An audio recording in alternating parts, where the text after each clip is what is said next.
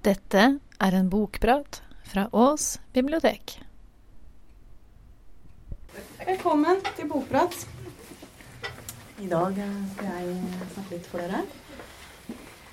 Eh, Det var jo Karine som hadde bokprat forrige tirsdag, og hun snakket om Jane Austen. Er det høy nok lyd?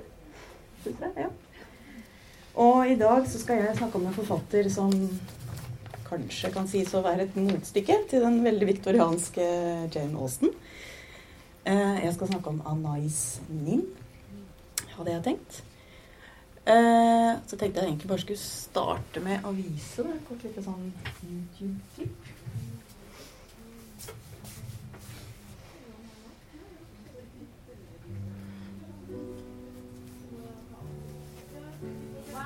Writes is a question I can answer easily, having so often asked it of myself.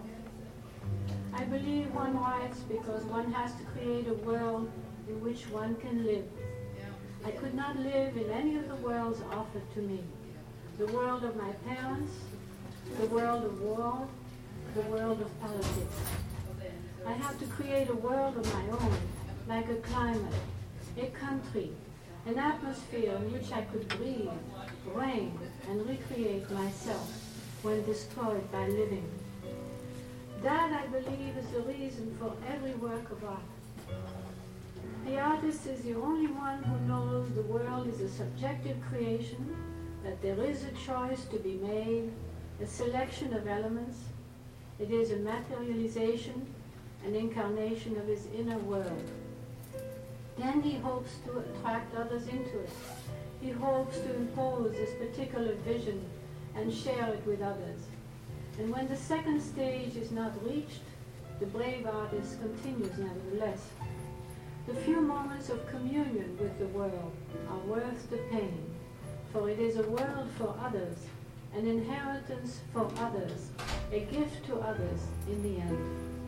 We also write to heighten our own awareness of life. We write to lure and enchant and console others. We write to serenade our lovers. We write to taste life twice, in the moment and in retrospection.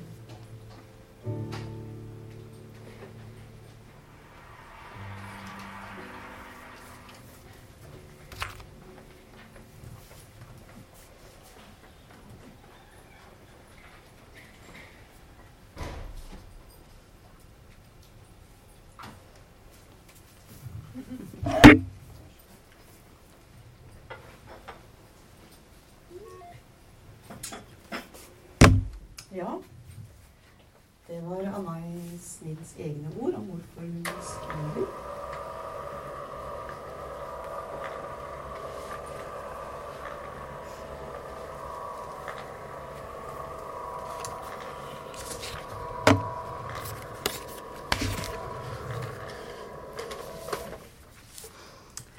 Ehm, ja, jeg sa at uh, Anna Isnil kunne sikkert sies å være et motstykke til, uh, til Jane Austen, f.eks.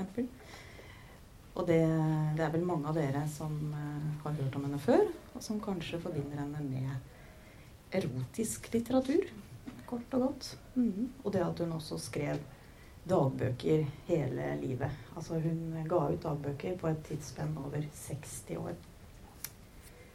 Eh, Anais Isnin hun eh, er, eh, eller var, hun var eh, født i 1903 og døde i 1977. Hun var en fransk forfatter av spansk-cubansk opprinnelse. Eh, og hun har bodd både i Frankrike, Spania, Cuba. Den mesteparten av det voksne livet så bodde hun i, eh, i USA. Og hun har også, foruten dagbøker og erotiske korthistorier, skrevet romaner og litterære analyser.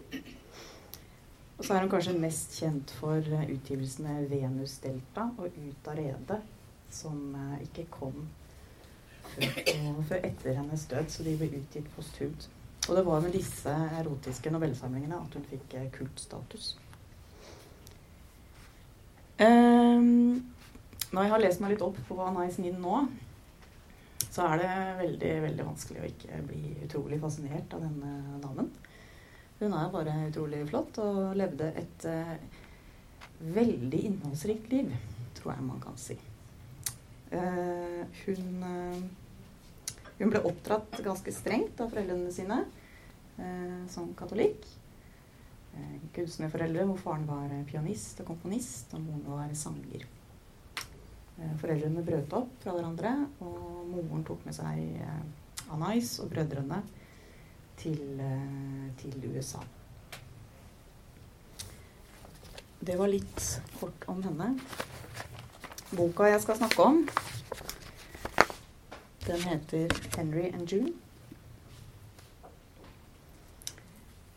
Ble faktisk ikke utgitt i denne formen med dette redigerte innholdet før på, eh, på 80-tallet. Eh, og den norske utgaven her er faktisk fra 1990.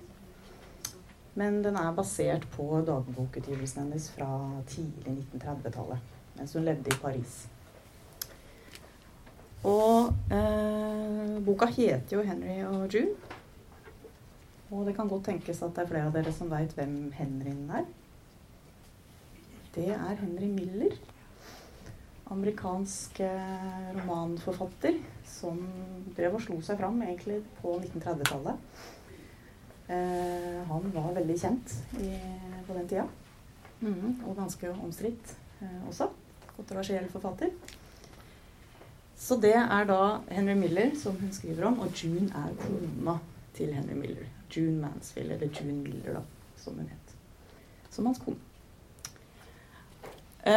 Eh, og tidlig på 1930-tallet så møter Anais Nin disse to. Og de gjør ekstremt inntrykk på henne. Det blir eh, viktige møter i hennes liv fordi hun forelsker seg voldsomt i begge to. Men Anais Nin hun er gift med en mann som heter eh, Hugh Gullier, en franskmann. Når hun møtte han, så var han en uh, ung kunstner og en uh, filmprodusent. Drev med eksperimentell film.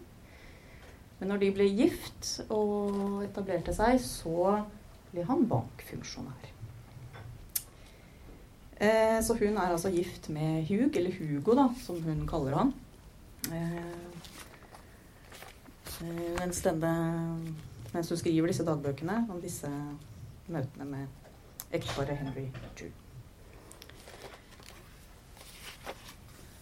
Så det er snakk om en uh, slags der, blir Det sånn trekantdrama her, altså. Eller firkantdrama, hvis vi regner med Hugo. Som egentlig ikke er så veldig involvert, stakkars. Men jeg tenkte jeg skulle begynne med tosomheten med ekteskapet mellom Anais og Hugo. Og lese litt om hvordan de, de har det. Uh, Hugo har kommet svært sent hjem hver dag den siste uken. Og jeg har hele tiden gjort gode miner til slett spill, som jeg hadde lovet meg selv å gjøre. Til slutt, på fredag, ble han bekymret og sa Er du klar over at klokken er ti over halv åtte? At jeg er svært sen? Har du ikke tenkt å si noe om det? Vi brast i latter begge to. Han likte ikke likegyldigheten min. På den andre side virker trettene våre når de kommer mer uforsonlig og følelsesladet. Eller er alle følelsene våre blitt sterkere nå når vi gir dem luft? Det ligger en desperasjon i våre forsoninger, en ny voldsomhet i både sinne og kjærlighet. Det eneste problemet som gjenstår, er sjalusien. Det er det eneste som forhindrer oss fra å ha vår fulle frihet. Jeg kan ikke engang snakke om mitt store ønske om å gå på en kabaret hvor vi kunne danse med profesjonelle dansere. Jeg har begynt å kalle Hugo min lille magnat. Han har fått nytt kontor på størrelse med et atelier. Hele bankbygningen er storslått og imponerende. Jeg sitter ofte og venter på han i konferanseværelset, hvor det er veggmalerier som viser New York sett høyt oppe fra et fly, og jeg føler kraften fra New York strekke seg helt hit. Jeg kritiserer ikke arbeidet hans lenger, for slike konflikter tar helt knekken på ham. Vi har begge akseptert den geniale bankier som en realitet, og kunstneren som en vag mulighet. Skjønt psykologien i egenskap av vitenskapelig tenkning har slått en vellykket bro mellom hans bankaffærer og min skrivning. En slik bro kan han krysse utenfor store rystelser. Det er sant som Hugo sier, at når jeg går til dagboken med mine tanker og spekulasjoner, og at han bare merker hvor dypt jeg kan såre ham når en eller annen krisesituasjon oppstår. Imidlertid er jo jeg hans dagbok. Han kan bare tenke høyt sammen med eller via meg. Så søndag morgen begynte han å tenke høyt på de samme tingene som jeg hadde skrevet om i dagboken min, om trangen til orger, lysten etter sidesprang. Trangen kom brått over han mens han satt der og snakket. Han skulle ønske han kunne gå på Quat-Sarts-ballet. Han ble like paff og overrasket over seg selv som jeg ble over det nye uttrykket i øynene hans, åpenhjertigheten, de våkne driftene som han aldri riktig hadde sluppet opp til overflaten før. Rent fornuftsmessig hadde jeg nok ventet på dette, men det fikk meg til å vakle. Festningene falt.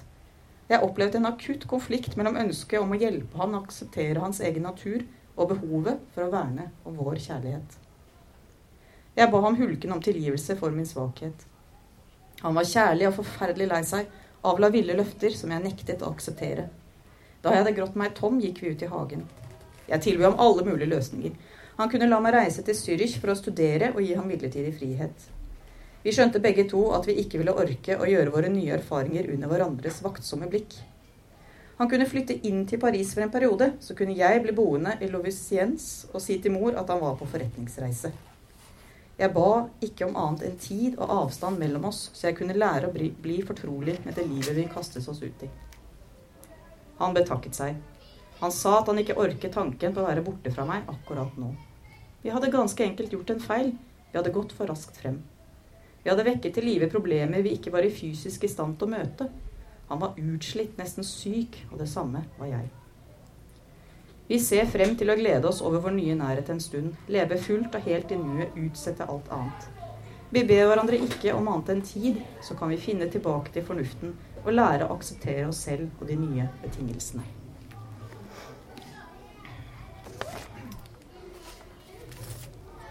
Det kommer jo ganske tydelig fram at Anais og Hugo i sitt ekteskap har gått på en liten uh, smell, eller en liten uh, utfordring. For de har altså åpnet opp, åpnet seg opp for hverandre og luftet tankene om potensielle affærer, sidesprang.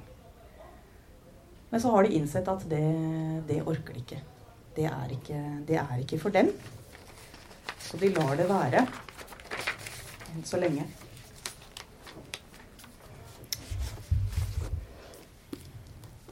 Men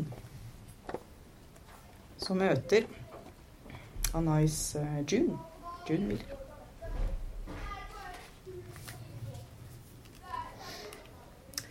Et blendende hvitt ansikt, brennende øyne.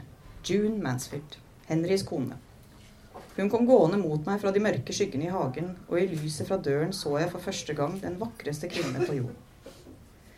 For mange år siden, i et forsøk på å forestille meg en perfekt skjønnhet, hadde jeg i tankene sett for meg nettopp denne kvinnen, jeg hadde endatil forestilt meg at hun ville være jødisk. Allerede for lenge siden var jeg fortrolig med hudfargen hennes, profilen, tennene. Hennes skjønnhet skyllet over meg. Som jeg satt der foran henne, visste jeg at jeg kom til å gjøre hva som helst for henne. Alt hun ba meg om. Henry bleknet. Hun var farge, briljans, forunderlighet. Hun har nok med sin egen rolle i livet. Jeg forsto årsaken. Hennes skjønnhet gjør hennes liv til et handlingsmettet drama. Tanker betyr lite. Jeg så henne som en karikatur av det teatralske og dramatiske personligheten. Kostyme, fakter, replikker. Hun er en uoverskuffen skuespillerinne. Intet mer. Jeg fikk ikke tak i kjernen hennes. Alt Henry hadde sagt om henne, var sant. Da kvelden var over, var jeg som en mann, dypt forelsket i ansiktet og kroppen hennes, som bar på så store løfter, og jeg hatet det selve andre hadde skapt i henne. Hun får mennesker til å føle. Folk skriver poesi pga. henne. Folk hater pga. henne. Andre, som Henry, elsker henne mot sin vilje. June. Om natten dukket hun opp i drømmene mine. Veldig liten, veldig sart, og jeg elsket henne. Jeg elsket den litenhet jeg hadde fornemmet i det evinnelige snakket hennes. Den urimelige stoltheten. En såret stolthet. Hun mangler sikkerhet. Hun er umettelig i sin tørst etter å bli beundret. Hun lever på sin egen gjenspeiling i andres øyne. Hun våger ikke være seg selv. Det finnes ingen June Mansfield. Hun vet det selv. Jo høyere hun blir elsket, jo klarere vet hun det. Hun vet at det finnes en svært vakker kvinne som tok sitt stikkord fra min uerfarenhet i går kveld og forsøkte å spille vekk det hun innerst inne visste. Et blendende hvitt ansikt som forsvinner inn i skyggen i hagen. Hun poserer for meg idet hun tar farvel. Jeg vil løpe etter henne og kysse hennes fabelaktige skjønnhet. Kysse den og si du tar med deg et speilbilde av meg, en del av meg. Jeg drømte deg, jeg ønsket deg frem. Du vil alltid være en del av mitt liv. Elsker jeg deg, så må det være fordi vi en gang har delt de samme forestillinger, den samme galskap, samme scene. Den eneste kraft som holder deg sammen, er din kjærlighet til Henry, og det elsker du ham for. Han volder deg smerte, men han forhindrer deg fra å gå i oppløsning. Han samler deg, han tukter deg sammen til et flyktig hele. Jeg har Hugo.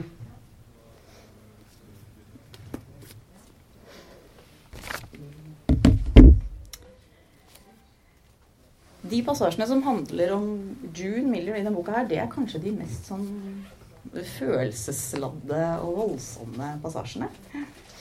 Eh, og det er egentlig ikke så veldig mye som blir skrevet om June utover videre i boka. Men i begynnelsen så er, eh, så er altså Anais Nin het. Hun er helt vanvittig fortapt og forgapt i June Miller. Men så reiser June bort og blir lenge borte. Det her ekteskapet med Henry Miller det er litt sånn vanskelig å få tak i. Og grunnen til at hun reiser så mye bort, det vet jeg egentlig ikke helt. Men de er nå i hvert fall lenge, lenge fra hverandre av gangen. Så Anais hun starter i stedet et forhold til ektemannen. Til Henry Miller. Og det er ikke noe tvil om at Anais også er veldig veldig fascinert av Henry Miller. Men på en litt annen måte. For der starter det med at hun er jo ekstremt tiltrukket av eh, intellektet hans og kunstneren i han. Det blir litt mye lesing her, men uh, disse dagbok, uh, denne dagbokformen, den uh, ber om å bli lest. Desember. Jeg har truffet Henry Miller. Han kom til lunsj sammen med Richard Osborne en advokat jeg måtte rådspørre i forbindelse med kontrakten min for boken om DH Lawrence. I det samme han steg ut av bilen og kom gående mot meg der jeg sto ved døren og tok imot, så jeg en mann jeg likte. Hans forfatterskap er praktfullt, virilt, dyrisk, storslagent. Han er et menneske som beruses av livet. Han er som meg. Midt under måltidet, mens vi var godt i gang med en alvorlig diskusjon om bøker, og Richard hadde gått seg vill i en lang utredning om et eller annet, begynte Henry å le. Han sa, 'Jeg ler ikke av deg, Richard. Jeg kan bare ikke la være. Jeg bryr meg ikke en døyt, overhodet ikke en døyt om hvem som har rett. Jeg er bare så altfor lykkelig. Jeg var så lykkelig at jeg sitter her sammen med alle disse fargene rundt meg, vinen. Hele øyeblikket er så vidunderlig, så vidunderlig. Han lo nesten så han fikk tårer i øynene. Han var beruset. Jeg var også beruset, og vel så det. Jeg følte meg varm og ør og lykkelig. Vi snakket i timevis. Henry sa de sanneste og dypsindigste ting. Og han har en vane med å si mm, mens han forsvinner på gåtefulle oppdagelsesreiser innover i seg selv. og hvem kan ikke falle for det? Det er jo helt uimotståelig. Nei da. Men, uh, men, Henry Miller var jo en veldig en, uh, en, et stort navn på den tiden. Og han hadde mange kvinner, og det han eh, ga ut, ble sett på som veldig eksperimentelt. For han blandet eh, romanen med en slags form for selvbiografi, da, som også Ninn gjør. Eh, men også med sosial kritikk og surrealistisk fri assosiasjon, står det her. og han ga ut bøker som 'Kretsens vennekrets', blant annet. Som var forbudt helt på 60-tallet. Fordi den ble ansatt som å være ren pornografi, rett og slett. Og det jeg egentlig hadde lyst til i dag for dere, var jo faktisk å få lest litt mer Henry Miller. Og kanskje sammenlignet Anais Nin med Henry Miller. For de skriver veldig forskjellig, og det har vært veldig interessant egentlig å presentere for dere forskjellen på en manns fremstilling og en kvinnes uh, fremstilling. Så jeg begynte litt eh, å lese Henry Miller. Eh, kom ikke helt i mål, men det er ganske, det er ganske rått i forhold, til, eh, i forhold til den stilen som eh, Anna Isnin kjører i sine bøker. Eh, det utvikler seg til å bli et veldig intenst forhold mellom disse to. Både intellektuelt og seksuelt. Og Anna Isnin gir også Henry Miller liksom æren for hennes seksuelle oppvåkning. Vennskapet skal vare livet ut. Og selv om det starter som et litt sånn læremester-novise eh, At han liksom er liksom den, store faderen i det forholdet, så, så jevner det seg veldig raskt ut, altså. Det blir et jevnbyrdig forhold. Og mesteparten av boka er jo nettopp beskrivelser av Anais og Henry sitt forhold. Det er det det er mest av her. Det er deres samtaler, det er beskrivelser av deres samleier, deres vakling i følelser og kjærlighetserklæringer om hverandre. Og noen ganger så er det utrolig vakkert, og noen ganger så er det skikkelig heslig. Eh, men jeg syns det er en nydelig kjærlighetshistorie uansett. Vi har en veldig, veldig respekt for hverandre. Både som menneske, som eh, samtalepartnere, elskere og kunstnere.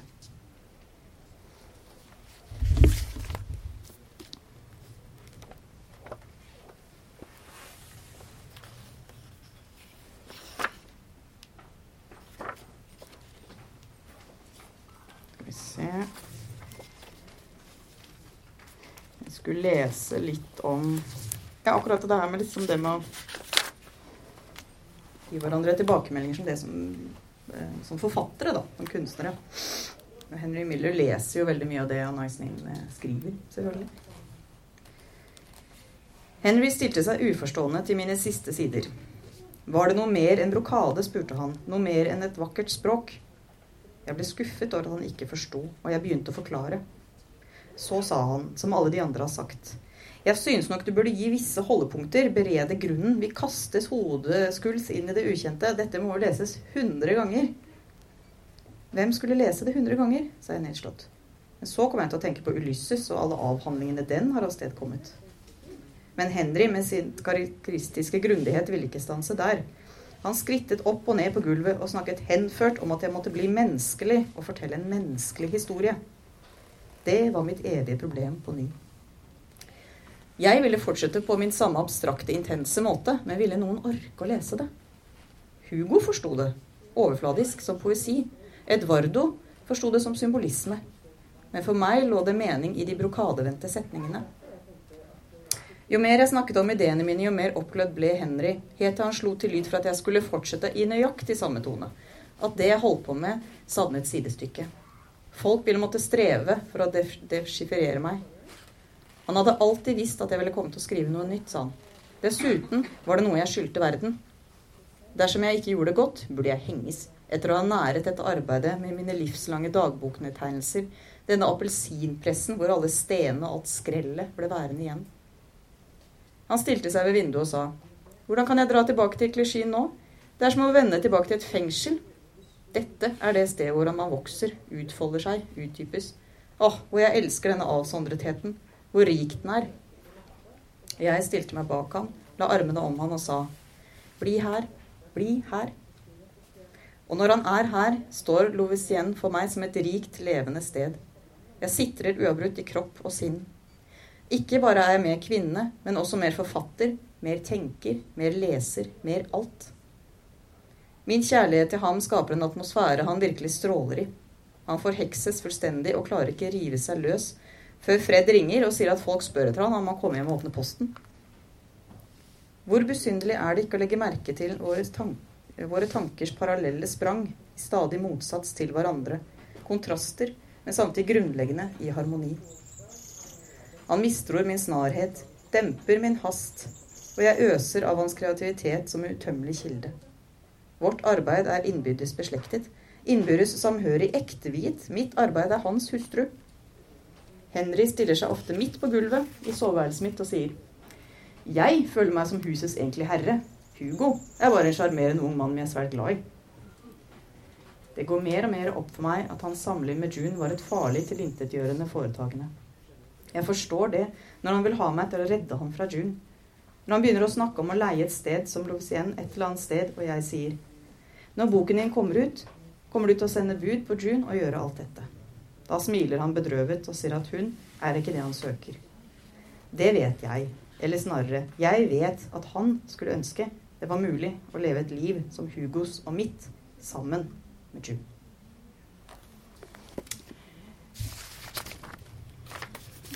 Ja Eh, ja. Anais lever jo da dette livet da, med disse to ulike mennene. Og det er ikke bare de to mennene. Altså, egentlig. Det er noen flere innom her òg. Hun var kjent for å ha veldig mange elskere. Eh, men også skriver hun mindre og mindre om June, og det er mer og mer Henry som opptar henne. Og så får hun plutselig en bølge av å vende tilbake til Hugo. Hun er veldig trofast mot Hugo. Veldig trofast mot Hugo eh, ved at hun blir hos ham, da. Men det er to veldig kompliserte mennesker, uh, dette her. Anais og Henry. Og det blir liksom ikke dem. Det tror jeg egentlig kan avsløre. For hun giftet seg på nytt igjen seinere i livet. Hun var faktisk gift med to forskjellige menn på samme tid senere i livet. Det er, ganske spesielt. Eh, men hun skriver et eller annet sted en eller annen slags formulering at hun, hun klarer ikke finne én mann eh, som kan på en måte gi henne alt. Eller vel ikke akkurat det hun skriver, men hun klarer ikke å finne én mann som, kan, eh, som hun kan fortelle alt til, eller som kan dekke alle hennes behov i alle deler av livet. Så hun, eh, de ulike mennene i hennes liv de gir henne ulike ting. Så Anais lidenskaper, følelser og tanker de tar henne etter hvert til nye steder. Vekk fra Henry, vekk fra Hugo. Og jeg tror sikkert, men sikkert at en bokprat om Anais Nime kunne vart absolutt dobbelt så lenge. Det er ganske mye å si om denne damen her. Men jeg tror jeg skal avslutte nå. Takk for meg.